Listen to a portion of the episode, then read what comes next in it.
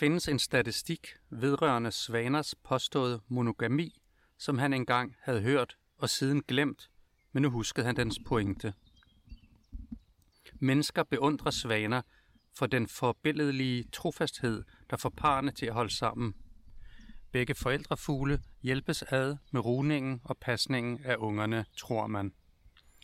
Men DNA-undersøgelser viser, i hvilken forbløffende grad svaneungerne slet ikke er hans svanes afkom. Trevor kunne ikke genkalde sig den nøjagtige procentsats, selvom han huskede statistikkens budskab. Uvidende eller overbærende forbliver hans svanen ved sin mages side igennem tykt og tyndt, ynglesæson efter ynglesæson. Han indså, at det var kernen i familietanken, han var i gang med at definere for sig selv. Løgn, svigtet tillid og sidespring er familielykkens byggesten. I den treenighed kan man finde selve årsagen til farmor-børn-ideens udbredelse.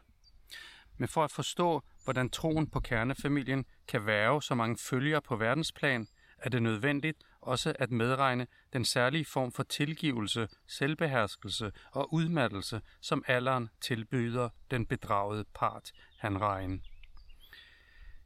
Det bedste middel til at holde sammen på ægteskab og familie er at affinde sig med det næstbedste. Det er hele den selvbedrageriske og selvpineriske dynamik, der holder kernefamilier sammen, snarere end de gode kristne dyder, man ofte giver æren. At vende den anden kendt til, som menneskesønnen lærer sine følger, kan være en god idé, især i enhver voldspladet relation. Men hvad mindre dysfunktionelle parforhold angår, er det måske vigtigere, at man vender både det døve øre og det blinde øje til modparten. Man må heller ikke undervurdere onaniens lægende kraft, tænkte Trevor.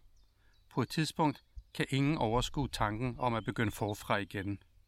Men lovet være dem, der overhovedet formår at begynde på noget som helst, sagde han til sig selv. Lovet være ungdommen.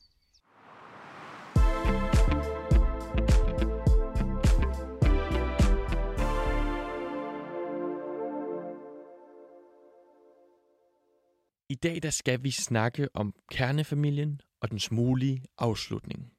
Vi skal snakke om omvendte kønsroller, handrejer og fejlslagende kollektiver. Og så skal vi forbi de gamle svingere som onani, porno og utroskab. Og hvordan alt det hænger sammen med forfatteren Daniel Densigs eget liv. Mit navn det er Jakob Nielsen, og velkommen til min litterære pornosamling.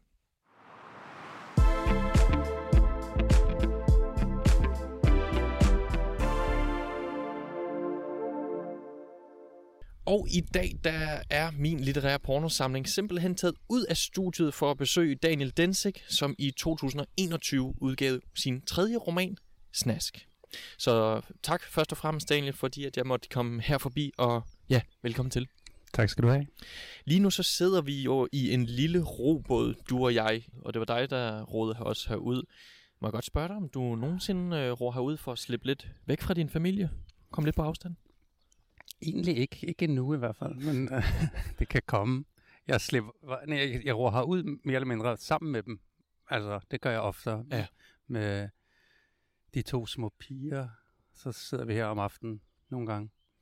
Um, den er også bare Hvad bruger smuk. du den ellers til? Jamen, jeg kigger på den, når jeg sidder og skriver. Så den er også meget smuk at kigge på, fordi at der er så meget liv uh, i overfladen, synes jeg.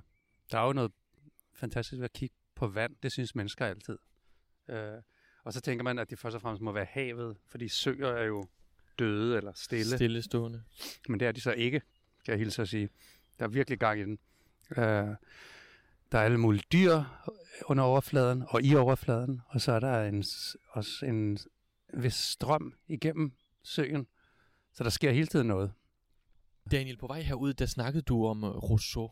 Ja. Du snakkede om Jean-Jacques Rousseau, og hvordan han, var det i slutningen af hans liv, ligesom ja. også havde sit eget sted? Jeg ved ikke, om han, det var hans eget sted. Han, han levede jo sådan, han flyttede fra slot til slot, så jeg tror bare, det var nogle bekendte, han boede hos i Bilersøen i Schweiz, hvor han skrev, øh, det er en af hans sidste bøger, øh, Den ensomme vandres drømmerier. Og sikkert en titel. Ja. Men øh, der beskriver han på en af de her vandringer. Den består af sådan 7, 8, 9 vandringer, så vidt jeg husker. Og så beskriver han på en af de vandringer, hvordan han bare ligger i en robåd der på Bilersøen og lader sig drive, øh, mens han tænker over livet og over sin fordømte skæbne.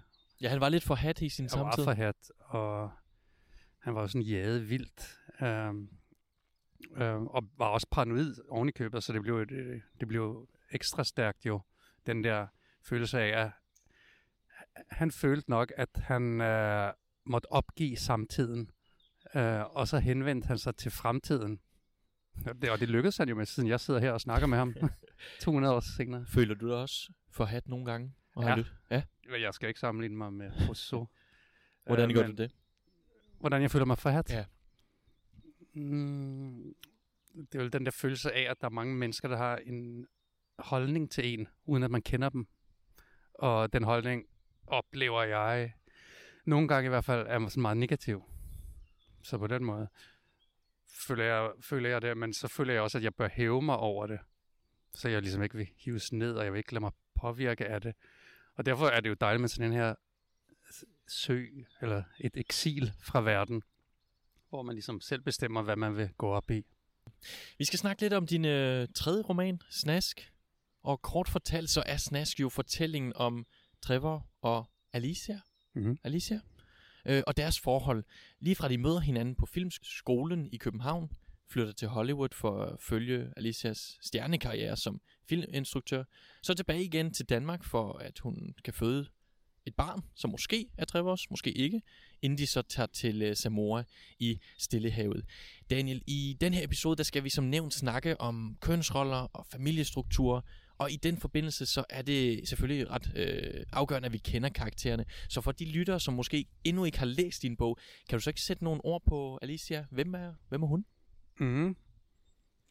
Alicia er sådan en wonderkid. Hun er 19 år i det meste af bogen. Um, og ja, hun er jo Lars von Trier på en eller anden måde, synes jeg. Um, Øh, og hun er enormt dygtig til at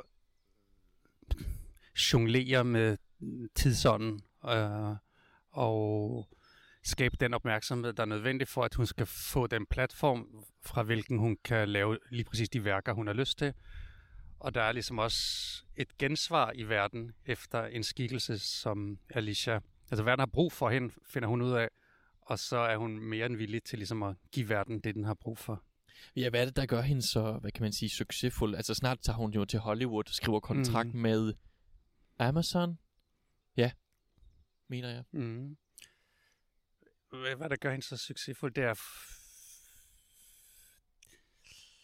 at hun ligesom formår at øh, bevare en hemmelighed. Altså det føles jo som om, at hun ikke har nogen hemmelighed. Det føles som om, hun udleverer hele sit privatliv, hele sit sexliv, men hun formår, sådan som de bedste stjerner jo gør, at forblive gådefuld. Det tror jeg er hendes styrke, at hun, hun ligesom aldrig falder i. Det er også, tror jeg, et citat fra bogen, at hun var god til at holde gryden i kog, uden selv at falde i.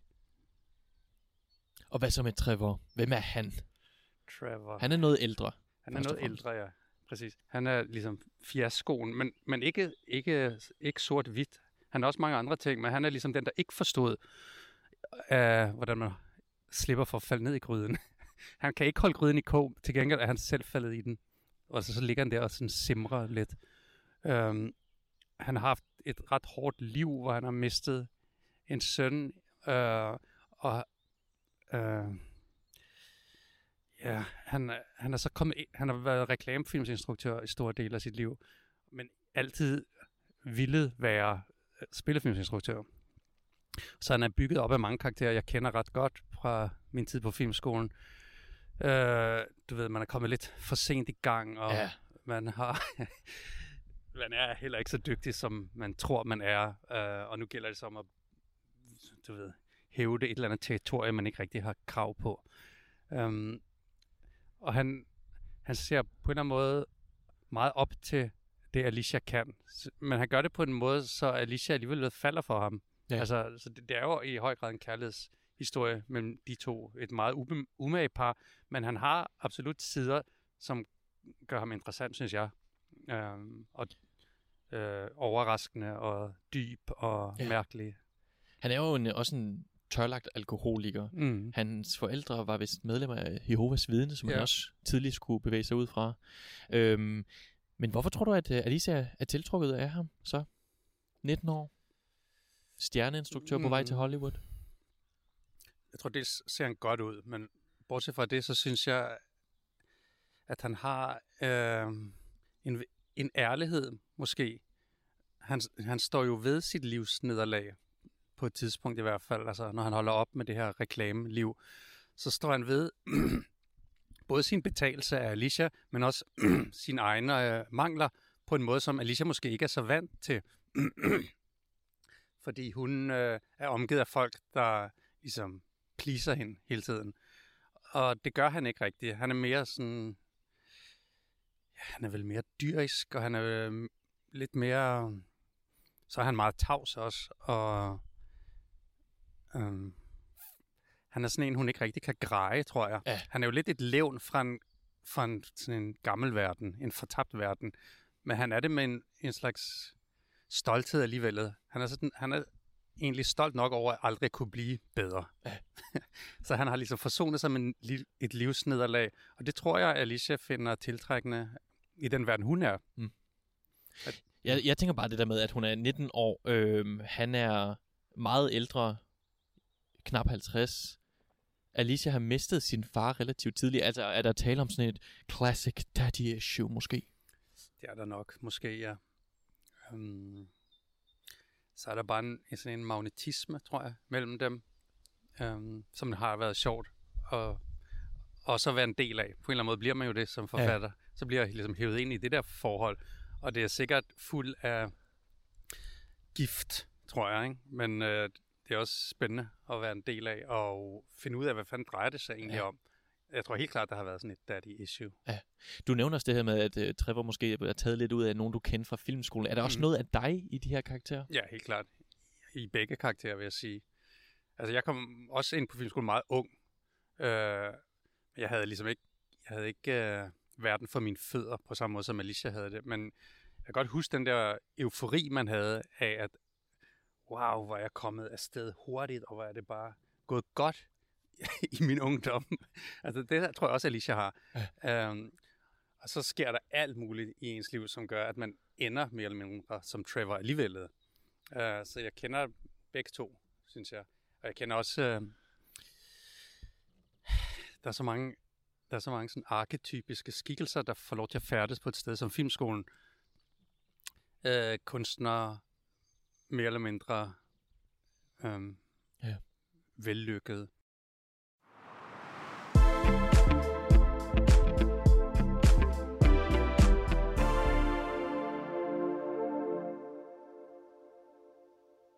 Vi skal øh, lidt videre, og for, for ligesom at forstå den handling, der sker herefter, så øh, rejser Alicia jo til Hollywood. Hun har skrevet kontrakt med nogle store øh, filmselskaber og skal lave noget der. Øh, Trevor kommer så over på et tidspunkt, hvor Alicia så simpelthen bliver gravid i en trekant ved poolen mellem Alicia, Trevor og en anden kvinde, som desuden aldrig har været sammen med en mand før. Hun beslutter sig for at beholde det, og så sammen så ender de øh, med at tage hjem til Alicias mor i Danmark igen. Og Alicias mor, hun bor i sådan et kvindekollektiv op ved Limfjorden. Mm. Øhm, hvad er det for et sted? Det, jeg har aldrig været i Limfjorden, så jeg ligesom, det er fri fantasi, men det er jo selvfølgelig stykket sammen af en masse virkelighed. Um, jeg tror, det best, kvindekollektivet består af uh, kvinder, der har på en eller anden måde regnet den ud. Um, men de, er, de har desværre den ulempe, at de ikke er lige så unge som Alicia. Så det kan godt være, at de har regnet ud, men de har ikke sådan set nogen løsning. Uh, andet end at uh, Hvad betyder det at have regnet den ud? i det her tilfælde betyder det, at de har regnet ud, at manden for så vidt er unødvendig for, for deres definition af familie og for deres definition af lykke. Så har de ikke brug for nogen mænd. Um, på den anden side er de jo... De er også lidt oppe i årene, og de er også lidt... Um, bitre, tror jeg, man vil sige. Så de, de er heller ikke så interessante for nogle mænd. Så de har ligesom skabt sig en egen ø, øh, hvor det handler om landbrug, og det handler om insemination af Af jorden, eller hvad? ja, både ja, insemination af jorden, det er rigtigt. Af det her biodynamiske landbrug. øh, insemination også af nogle køer, de har gående der, ikke? Det er rigtigt, ja. Du gør jo, eller hvad hedder det, de bliver lidt latterliggjort. For eksempel så er der en, øh, doula til stede på det her kvindekollektiv, som jo lidt er den her mm, spirituelle guide til fødsler, som hvad hedder det, hvad hedder det, simpelthen skal hjælpe Alicia med at føde, og hun har en gruppe på Facebook, der hedder Fødsler på trods af generelle anbefalinger. Hvorfor tror du, du er så hård ved den på den måde? Det er ikke, det er, det er faktisk virkelighed. Det, den, Den findes, eller hvad? Ja, den findes. Så det er ikke nogen karikatur. Det er en rigtig gruppe, der... Det, jeg tænker, de kunne have valgt et andet navn med fordel. Ja. ja, Men så er det måske et statement. fødsler på trods af generelle anbefalinger. Nej, det den findes. Um, så jeg har prøvet, bare prøvet at dække det videre på, hvad, hvad, hvad må de går og tænker, øh, de mennesker, der er med i den Facebook- Facebook-gruppe. Um, men det er klart, jeg har, ikke, jeg har måske ikke kunne dybe mig for at lave det øh, sådan lidt en lille smule satirisk. Uh, men jeg synes også, man som læser er man meget på Alicias side, og Alicia er jo, altså, hun synes, de er ret latterlige, men hun har jo alligevel en stor ømhed for, for dem og for sin mor i høj grad. Altså, så det er jo dobbelt. Altså, hun er også afhængig af sin mors kærlighed, og det er hende, der vil, at de skal tage hjem øh, og føde. De bor i Los Angeles, og hun bestemmer sig for, at vi bliver nødt til at tage hjem til min mor. Og de har ikke et særligt nært forhold, men det er jo hendes forsøg på at få et nært forhold til sin mor. Hvorfor var det interessant for dig ligesom at undersøge, hvordan et, nu kalder jeg det et matriarkat, men mm. Mm. en, et parallelsamfund på den måde kunne øh, fungere? Altså, jeg tror mange, måske især mandlige øh, forfattere og filmskabere, har været interesseret i matriarkater i det hele taget. Fellini har lavet film om det. Øh, så, fordi det er så spændende, fordi vi ikke ved noget om det, og fordi vi har lov til at digte helt vildt om det, når vi ikke ved noget om det. Øh, og det så man i Fellinis Kvindebyen, hvor ekstremt det kan se ud, men det findes jo i alle mulige udgaver. Øh, jeg tror, det er, det har, det er flere, der er flere grunde til, at det er så spændende. Det er også fordi, at det på en eller anden måde er en sekt jo. Altså det er, det er sådan lidt science fiction. Det, det er en verden, hvor man ikke er velkommen egentlig som mand. Øh, og hvordan må den ser ud, og hvordan kan de klare sig, og hvem laver hvad, og er der nogen, der har sådan mandlige roller i sådan et matrikat, eller er det fuldstændig udvisket? Alt det her bliver spændende, synes jeg. Um, Altså også maskulinitet som ja, sådan. fordi hvad, hvad er det så, når der ikke er nogen mænd? Er der så stadigvæk en maskulinitet? Uh, jeg tror, det har været... Altså, Hemingway skriver også om bøger om det, og der kommer andre bøger, som prøver det modsatte, ikke? Om at lave... Altså kvinder, der prøver at beskrive mandlige kollektiver, ikke? Ja. Så jeg tror, det er noget, der er sådan meget indgroet i os. Jeg forestiller en verden uden os. Ja. Hvordan ser den ud? Hvor fed kan den være? Hvor latterlig kan den være? Bagefter så tager de, når de har født, øh, født øh, Miley, øh, så tager de til Samoa, øh, hvor de lidt møder en, jeg vil også kalde det en slags kult, men mm. Måske med patriarkalsk fortegn. Øh, hvad er det for et sted? De ender på en strand. Ja, de ender på sådan en surf-kult. Det er, ja, det er vel øh, det modsatte af et matrikat. De har også prøvet at afskaffe, eller de har også regnet den ud, kan man sige, og de har prøvet at afskaffe forplantningen. Altså hele ideen om, at vi skal, vi skal have sex med hinanden, har de prøvet at afskaffe, ligesom kvindekollektivet i Limfjorden har prøvet at afskaffe det. Så der hylder de i stedet for nogle andre, sådan mere øh, Ja, det er jo naturfolk. Det, det er noget, jeg har, har hørt om, findes i øh, Ny Guinea, tror jeg det er. Altså en kult, hvor, som er sådan bygget op omkring øh, onani. Øh, og hylder, øh, hylder sæd øh, Ja. som en særlig kvalitet, at sæden er det, der binder menneskeheden sammen. Og det er egentlig en, sådan en, en samlet en sammenhængende masse, som findes i alle mænd, og i, som skal ligesom fremkaldes hos alle, og så skal menneskeskab, menneskeslægten skal ligesom leve videre igennem den sæd. Og, og kvinder er f- egentlig ikke så nødvendige. Nej. Jeg har et uh, citat, som passer uhyggeligt godt til det. Jeg synes lige, du skal læse det op.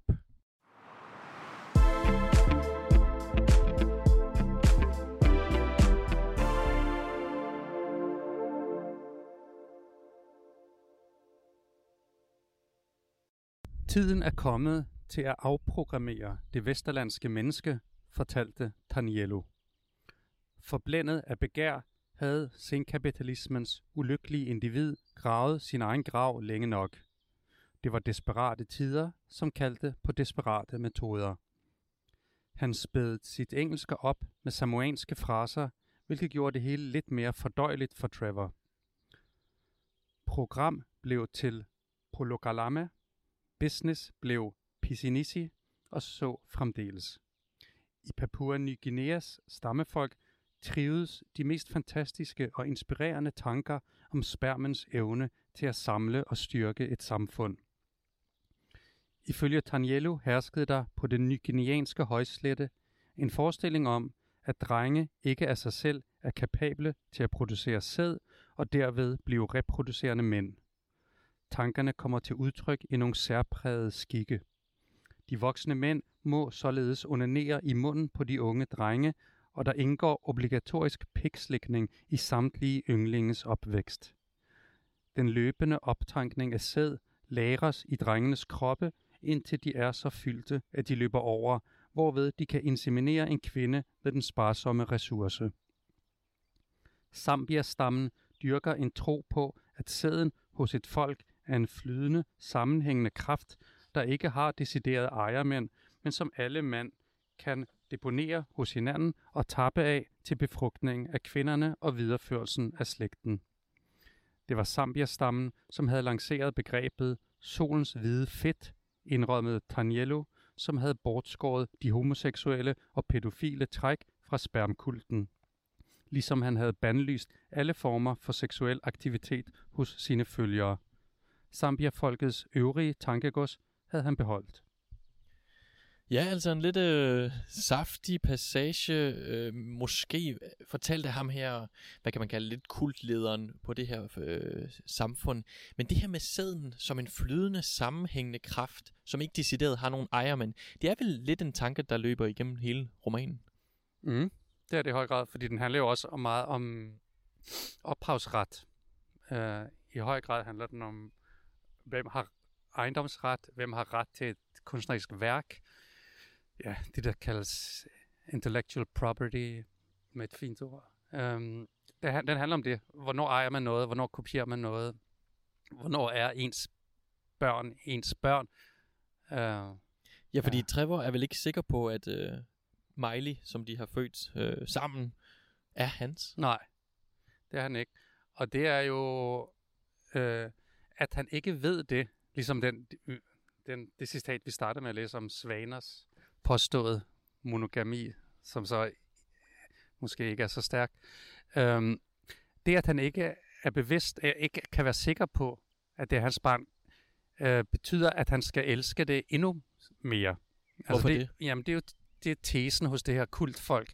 Uh, Taniello, som lederen hedder, han uh, påstår, at det er præcis den der uh, ambivalens, som kærligheden er bundet op på. At når man ikke kan vide det med sikkerhed, så øh, gør man i virkeligheden sit bedste. Så er, elsker man nogen øh, helt øh, ustyrligt. Og vel betingelsesløst. Ja, præcis. Fordi så vil man samtidig også have dem. Altså, hvis man, hvis man bare ved, at det er mit barn lige meget, hvad jeg gør, så kan man også... Øh, ja, så kan, man, så kan der indfinde sig sådan en eller anden slags dogenskab, tror jeg, han vil sige. Ja. Lidt, tage det lidt for givet måske. Ja. Er det også så det, der menes med det her med, at hvis man skal snakke om en muligt opgør med den vesterlandske mand, er det fordi, at det netop typisk er kendetegnet også ved sådan en privat ejendomsret og sådan mm, noget? Det tror jeg. Ja, at vi bliver nødt til at gøre op med den tanke om, at det her er vores planet, og vi må gøre, hvad vi vil, og det her er min sø, jeg må gøre, hvad jeg vil ved den her sø. Jeg synes, det har ødelagt meget, især for Danmark, den her ejendomsret, synes jeg. Uh, og det er jo også umuligt at slippe for den. Altså, fordi hvordan ser det så ud? Øhm, men det er interessant at diskutere, om den kan gradbøjes i virkeligheden. Altså om, om kernefamilien også kan gradbøjes. Det er jo det, som øh, bogen handler om. At der findes... Øh, der er en tanke i bogen om, at kernefamilien om, er i virkeligheden det, der er, er, er virkelig skurken i miljøødelæggelsen. Altså aldrig har jorden bestået af så mange små enheder, som den gør nu, og se, hvordan har set ud. Ikke? Um, Hvad er mellemregningen der? Altså er det fordi, at øh, hver eneste enhed skal eje et af alt? Mm, okay. Hver eneste enhed skal eje to biler og fjernsyn, og i stedet for at man finder ud af, at vi kunne dele som bilerne, og vi kunne dele som fjernsyn, og vi kunne dele som søerne og så videre. Øh, og at, men at man stadigvæk for så vidt ejer det, men det er måske, at der er en større del af sådan en andelstanke i det. Og det skulle så også gerne sprede sig til familien, så man ikke ejede sine børn på den måde, men de var en del af et meget større slægte. Altså det, det var blandt andet derfor, jeg valgte, at det skulle foregå i Samoa, fordi der har man den her idé om en stor familie, altså hvor det ikke er så vigtigt, hvem er faren og hvem er moren. Vi er alle sammen en del af en familie på måske 70 mennesker, og nogle er søskende, og nogle er fædre, og det er ikke særlig vigtigt. Vi hænger bare sammen. Fordi i Samoa har det i hvert fald bevirket, at man ikke har nogen hjemløse, og man er heller ikke rigtig... Øh, øh, man har en masse andre problemer, men man har ikke øh, fattigdom og sådan subsist, subsistensløse individer har man ikke rigtigt, fordi alle hører under en familie. Og det synes jeg er smukt, at man kan, op, man kan have et samfund på den måde, i den primitive del, vil vi sige, den ja. primitive del af verden, som er så avanceret alligevel, og hvor jeg synes, et land som Danmark er lidt uh, tilbagestående, når, det er, når vi er så sådan, vi kan ikke se, at vi hører sammen, altså vi har mistet uh, en fornemmelse af et vi, synes jeg. Vi har lidt, og det tror jeg måske hænger sammen med miljøødelæggelsen, altså at vi overhovedet kan finde på uh, at... Uh, øh, skovle, eller hvad hedder det, vi kan, vi kan, at vi overhovedet kan finde på at øhm, udrydde Amazonas, for eksempel. Ikke? Det er jo fordi, at vi ikke rigtig har en idé om, hvem vi er længere. At vi ligesom, nå, det gør vi bare, og så må de andre finde ud af at leve med det. Øhm, der tror jeg, at det kunne være smukkere med andre, altså bredere definitioner af, hvem vi er. Men altså på Samoa, betyder det simpelthen, at der, kapitalismen ikke findes på samme måde? Jo, kapitalisme findes i høj grad. Kapitalisme findes, og øh, det er et meget religiøst land også. Altså, jeg har aldrig oplevet, ikke engang Israel kan måle sig med Samoa i, hvor, hvor kristen okay. det er, og hvor, altså, hvor meget det fylder religion. Øh, så, når, om det er kapitalistisk, det er i høj grad et kapitalistisk land, men det er vel også, altså, det minder måske også om, altså, for eksempel en en samfundsform som kibbutzer fandtes jo i Israel. Øhm, det minder om, altså det er som en stor kibbutz lidt. Øh, Hvad betyder det? Kibbutz er sådan en slags øh, landbrugskollektiv, hvor ingen ejer noget, og penge er sådan set afskaffet. Men det, er, det, er, det fungerer jo i en kapitalistisk verden, men man har oprettet sådan en slags lille utopisk ø, hvor at man siger, at her har du alt, du behøver. Du behøver ikke at jage øh, større rigdom, fordi din, du kan alligevel ikke bruge pengene. Her øh, betaler vi med matadorpenge. Altså sådan rent praktisk talt, du skriver på et tidspunkt i romanen, at hvad hedder det, folk på Samoa ikke helt er sikre på, hvem deres børn er. Mm. Hvordan kan det, øh, altså, i jamen praksis? Det, jamen det er ikke så vigtigt. Altså, om du har dit DNA rent videregivet til det næste det er ikke så vigtigt. Det kunne også være øh, et søskendes barn, som er lige så stor en del af din familie. Og, og uden sammenligning i øvrigt, så jeg bor jo her også i en slags stor familie med min kones søsters børn. På den her gård, kalder jeg det. Ja, nu er vi tilbage i virkeligheden. Ja, på søen, oppe ja. mellem Gure og Sneker. Hvad hedder det? Snikkersten. Snikkersten, lidt ude for Helsingør. Ja, og det er jo ikke, det er måske en slags stor familie, det ved jeg ikke, om det er, men det er i hvert fald en tanke om, at vi kan godt løsne lidt på de bånd, som har gjort kernefamilien så snæver og så dominerende. Det tror jeg, at verden ville have godt af. At øh, der var, og jeg tror, at verden er på vej derhen. Om, om vi vil det eller ej, eller om vi skriver bøger om det eller ej, så er verden på vej et sted hen, hvor kernefamilien er fuldstændig i opbrud, og nye løsningsmodeller kommer til syne. Øh, så er det spændende at diskutere, hvad kan det være for nogen, og hvordan kan utopier i virkeligheden nærmest blive virkelighed, ikke? Men i det virkelige liv, Daniel Densik, øh, er det sådan noget, du aktivt arbejder for? Sammen med din kone måske? Mm, altså, vi bor sammen med min, min, bor sammen med min svigerinde, ikke? Men hvordan ak- aktivt arbejder for? Nej, men det ved jeg ikke, at, at de i hvert fald er bevidst om, hvad kernefamilien traditionelt betyder, og at man godt må bryde med det, måske? Ja, jeg ved ikke, om jeg altså aktivt arbejder for det. Uh... Er du generelt over i den overbevisning, at øh, forfattere skal øh, holdes til regnskab for, hvad de skriver i bøger? Øh, nej, jeg synes, en god bog er en god bog. Og så skal... så er det sådan set lige meget, egentlig, hvordan jeg lever. Altså, jeg synes, Celine er måske verdens største forfatter, og han levede ikke særlig eksemplarisk.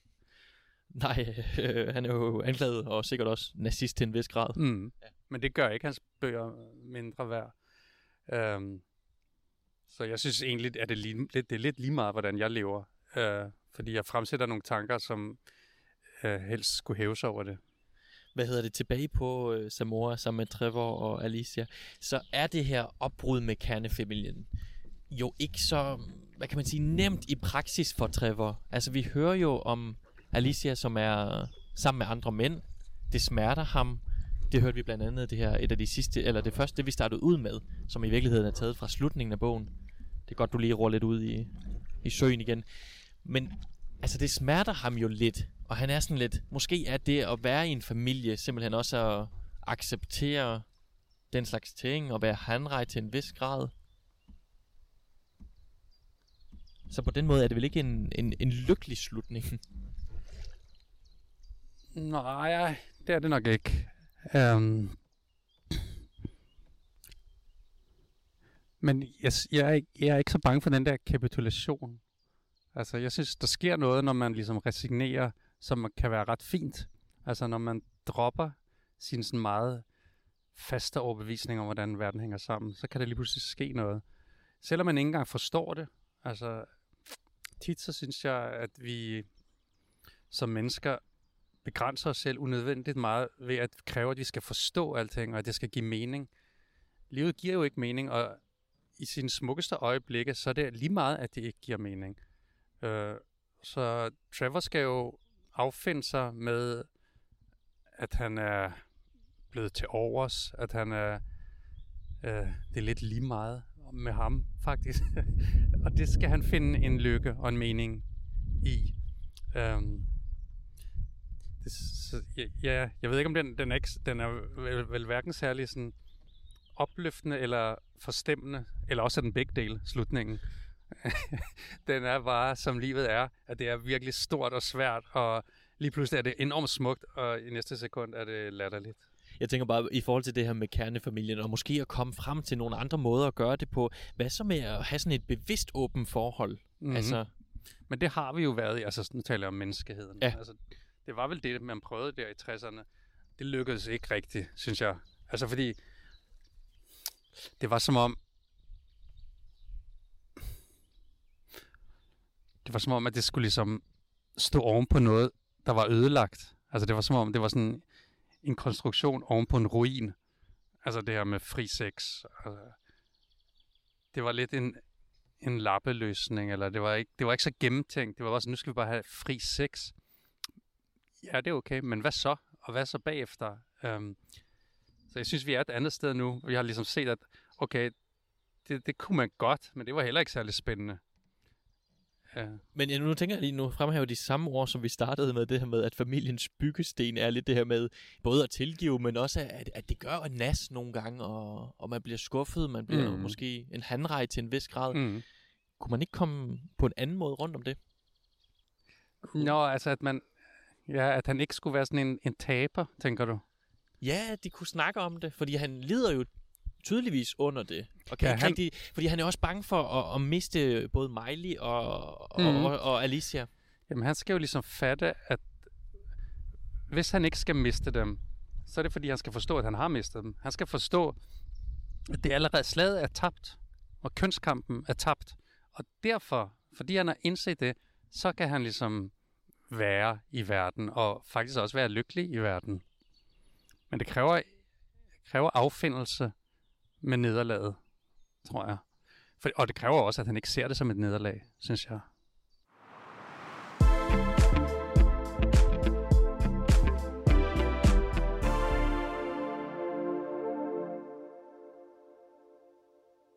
Lad os vende tilbage til den her kønskamp, kønsroller, som Snask også øh, reflekterer rigtig meget over. På et tidspunkt i bogen, så, skri- øh, så siger Trevor, og som er et citat, der er blevet brugt efterhånden, øh, også øh, når du har givet interviews osv. Kvinderne har efterhånden fået overtaget, mens mændene prøver at redde, hvad der reddes kan. Det er ligesom i skak. Kun hvis du aner, at du kommer til at tabe, søger du remis. Under paroler som ligestilling, ligeværd og ligeløn, søger, prøver mændene nu at spille med på det vindende hold. Man kan sige, at vi prøver at trække idylkortet igen. Men eftertiden vil indse, at nutidens mand indtager en aktiv og lidt tragikomisk rolle i sit eget nederlag. Øh, Daniel Dentik, hvad består den her aktive rolle i? Hvordan kan man forstå det? um, altså, når, når man er i gang med at tabe, for lige at blive det der skak-metafor, når man er i gang med at tabe, så vil man søge uafgjort. Så vil man øh, ligesom prøve at redde noget af æren, og for, ef- for eftertiden vil det så fremstå som om, at de var lige gode, og at øh, det, var, det blev remi. Men det er jo kun interessant, hvis man er i gang med at tabe. Hvis man er i gang med at vinde, er man ikke interesseret i det. Så den her, altså, der er jo nogle, mange mænd, og mig selv inklusiv måske også, som er meget for uh, ligeløn, ligestilling, alt skal være lige. Og det siger man jo kun med tanke på den position, man kom fra i sin tid, og hvor den så er nu. Altså, nu er det lige pludselig en god idé. Hvis du havde spurgt mænd for 50 år siden, var der ingen, der ville synes, det var en god idé. Eller for 100 år siden. Men nu er det lige pludselig det bedste, der kan ske, er ligeløn, ligestilling. Øhm, det synes jeg også, men jeg synes det måske også, fordi, at hvad er alternativet? Alternativet er nul og niks. Altså, hvordan skal det forstås? At, at man ikke kan definere manden på en anden måde, måske? Manden har jo ligesom... Manden har skrevet verdenshistorien indtil år 2000 eller sådan noget. Ikke? Så, så begyndte der at ske noget. Manden har tjent alle pengene, vundet alle krige, ved, kvinderne har stået ved kødgryderne, alt det der er nu vendt på hovedet. Og det er godt, at det er vendt på hovedet, men det betyder så også, at den mand, der så ligger med ho- hovedet i jorden og benene i vejret, hvad, hvad skal han? Hvad, skal han stræbe efter? Hvad skal han ønske? Han skal ønske ligestilling nu, fordi ved, han, er, har, han har allerede tabt jo, han, eller han er i hvert fald virkelig på vej til at tabe, hvis man skal se kønskampen som en kamp. Altså, jeg, jeg synes lidt, det er noget pjat, og det, det er... Um, altså, hele det, ideen om en kamp, synes jeg, er noget pjat. Men jeg vil så også sige, hvorfor synes jeg det? Det synes jeg måske også er samme anledning, at jeg er i gang med at tabe. Uh, nej, jeg synes egentlig, at det ville være fedt, hvis menneskeheden stod højere, ja. end at det var en kønskamp. Ja. Alicia, hun, øh, altså hvis man skal stille deres forhold op til det, så inkarnerer hun jo vel netop den her nye kvinde, som ja præcis har magten, mens Trevor han lidt øh, ja, i den anden ende. Og på et tidspunkt, altså med Alicia som den aktive del i forholdet, som også med sin køns ligesom driver fortællingen frem i, i din bog konkret, øh, så virker det jo bare lidt for mig som om, at, at de her stereotypiske traditionelle kønsroller bare er blevet vendt lidt på hovedet, så manden er den passiv og kvinden mm. den aktiv. For eksempel så siger Alicia, øh, en mand som min vil makke ret med en selvfølgelighed og en selvudslettelse, som er ny. Han er manden, der en gang for alle vil sætte kvinden fri. Men er det også sådan, at du tror, at fremtidens kønsroller kommer til at tage sig ud? Ah, det håber jeg ikke, fordi det vil jo bare være at vende det hele, og så bliver det lige så dårligt igen. Så det håber jeg ikke, og jeg håber også, at kvinderne er klogere, end hvad mændene har været. Altså, så de ikke bruger den magtposition til kun at positionere sig selv, men bruger den til at skabe en bedre verden. øhm, men faren er jo vel, at det bliver præcis det samme, bare med omvendte kønsfortegn. Øh, og ja, jeg synes, jeg synes, der er noget sådan forstemmende ved den der sådan meget, de der meget militante udmeldinger. Øh, for jeg synes ikke, jeg synes ikke det, det kan ikke være det, som det handler om nu. Øh, Har du gjort dig nogle tanker om, hvordan det ellers kunne se ud? Altså snakker vi om sådan en mere flydende forhold? Mm, altså, ja, måske. Og at måske kunne man komme til et sted, hvor det ikke var så vigtigt længere. Altså, det drømmer jeg altid om. At det ikke egentlig er så vigtigt, hvad der er mandligt og kvindeligt. Men det er nok også en utopi, selvfølgelig. Øhm, jeg, jeg kan godt drømme om, at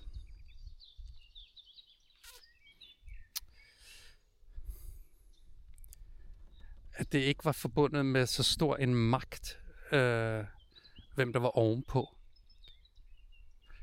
At kvinderne kunne få lov til at være ovenpå nu, hvis det er det. Og mændene kunne affinde sig med det, hvis det var det. Og det ikke betød så meget. Og kvinderne kunne tjene meget mere end alle mændene, og det ville heller ikke betyde så meget. Det kunne være dejligt. Men jeg ved godt, det sker ikke. er det noget, der smerter dig i din hverdag? Nej, det gør det ikke. Altså, okay. Altså, nej, jeg synes, der sker jo noget, når man... Uh, når ligesom katastrofen er et faktum, hvis vi skal bruge så stærke ord. Ikke? Hvis, man skal, hvis vi nu skal se, at øh, fra et mandligt perspektiv ser det ud af helvedes til i lang tid fremover. Fra et globalt perspektiv ser det måske også ud af helvedes til med de her miljøødelæggelser. Men når, hvis man så har de tanker, og de får lov til at bundfælde sig, så kan der faktisk opstå en eller anden form for ro og ja, en slags glæde. Øh, man, befinder, man, man er stadigvæk i live, men skuden er i gang med at synke, men... Får måske lov til at redefinere sig igen. Ja, måske kan man ligesom nå at, at elske hele jorden, før den går under. Altså, måske kan alle... Uh, måske kan det blive fuldstændig lige meget med køn, og så går jorden under. Og så er det okay.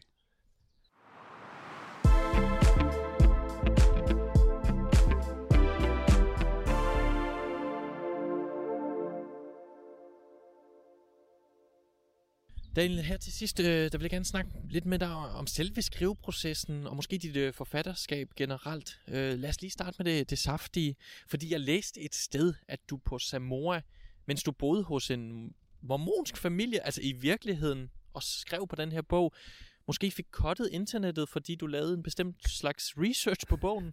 Hvad var det for en research? Ja, men det var jo nok min mere paranoide side, du derhen tyder til. Altså, jeg tror ikke, jeg fik kottet internettet, fordi at jeg, jeg søgte. Jeg søgte på prego porn, fordi jeg skulle mm, finde ud af, hvad det var, fordi jeg ville bruge det i snask. Og så boede vi som sagt hos mormonerne, fordi at øh, min kæreste, som nu min kone, hun arbejder som frivillig tandlæge.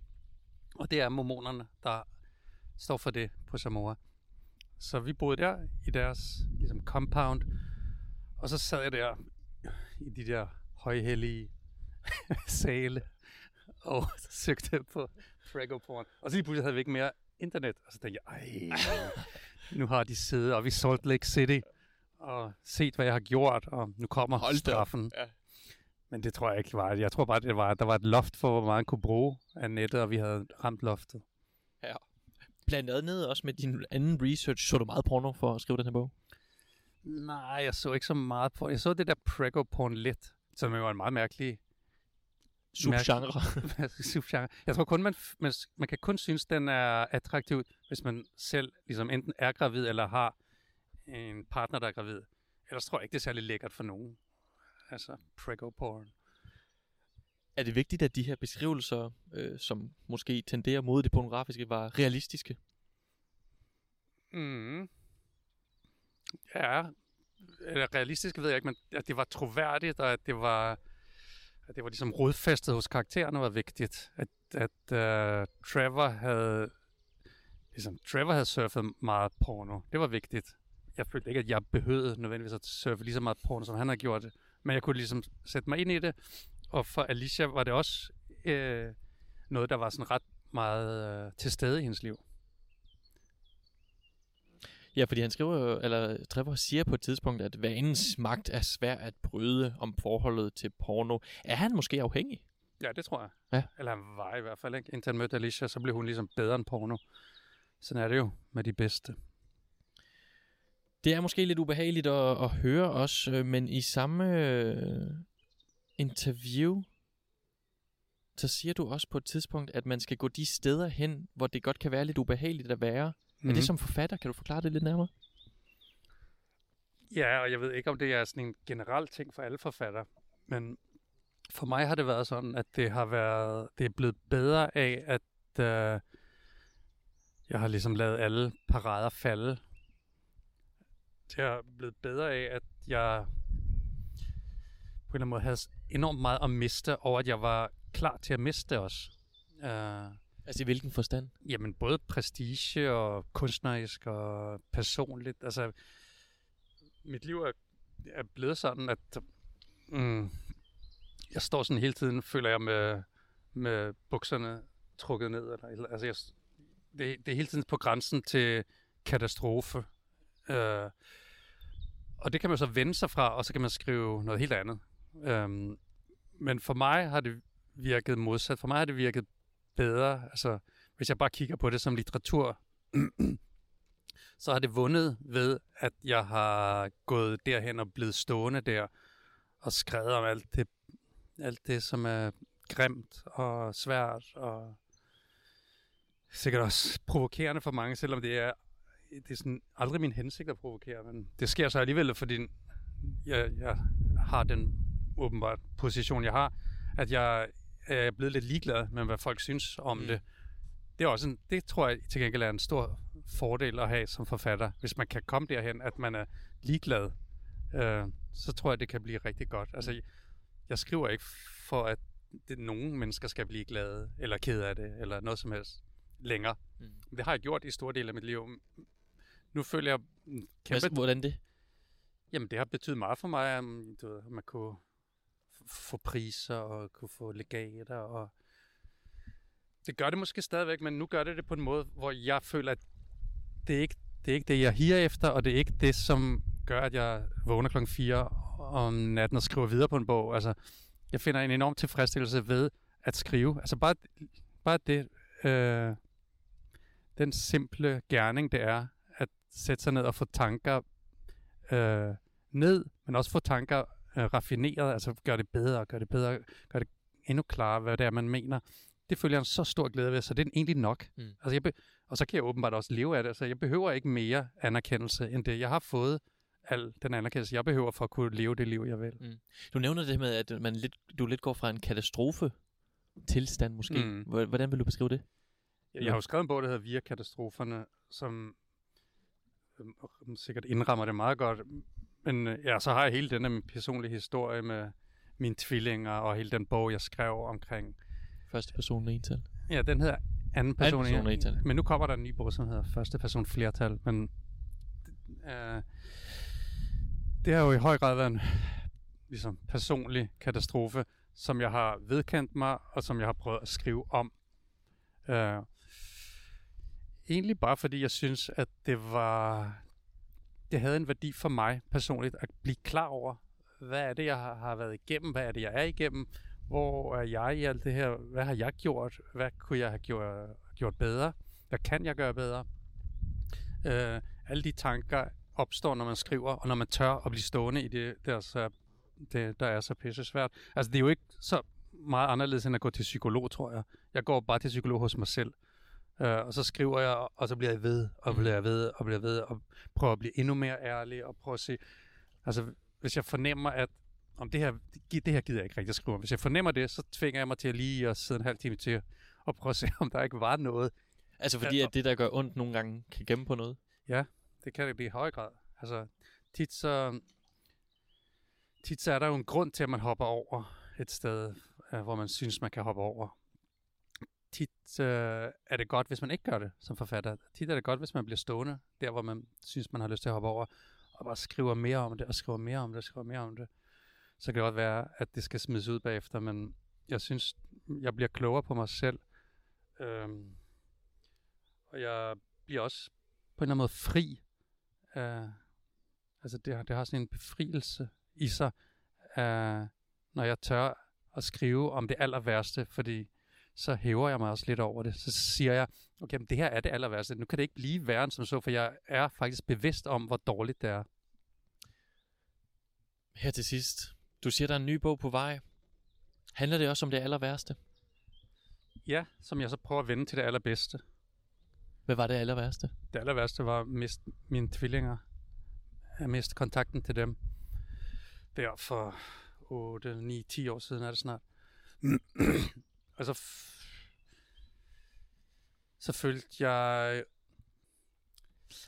Nej, det er faktisk ikke rigtigt. Jeg følte ikke, jeg følte ikke, at der var tid til at skrive en ny bog om det. Overhovedet ikke. Jeg havde faktisk lyst til at... Altså nu? Ja. Jeg, jeg, jeg følte ikke, nu kommer, nu er det 10 år siden, nu, nu er det tid. Det følte jeg ikke. Jeg, men jeg, jeg følte tværtimod det modsatte, at nu er det tid til at komme videre og skrive du ved, en kæmpe science fiction bog eller sådan noget.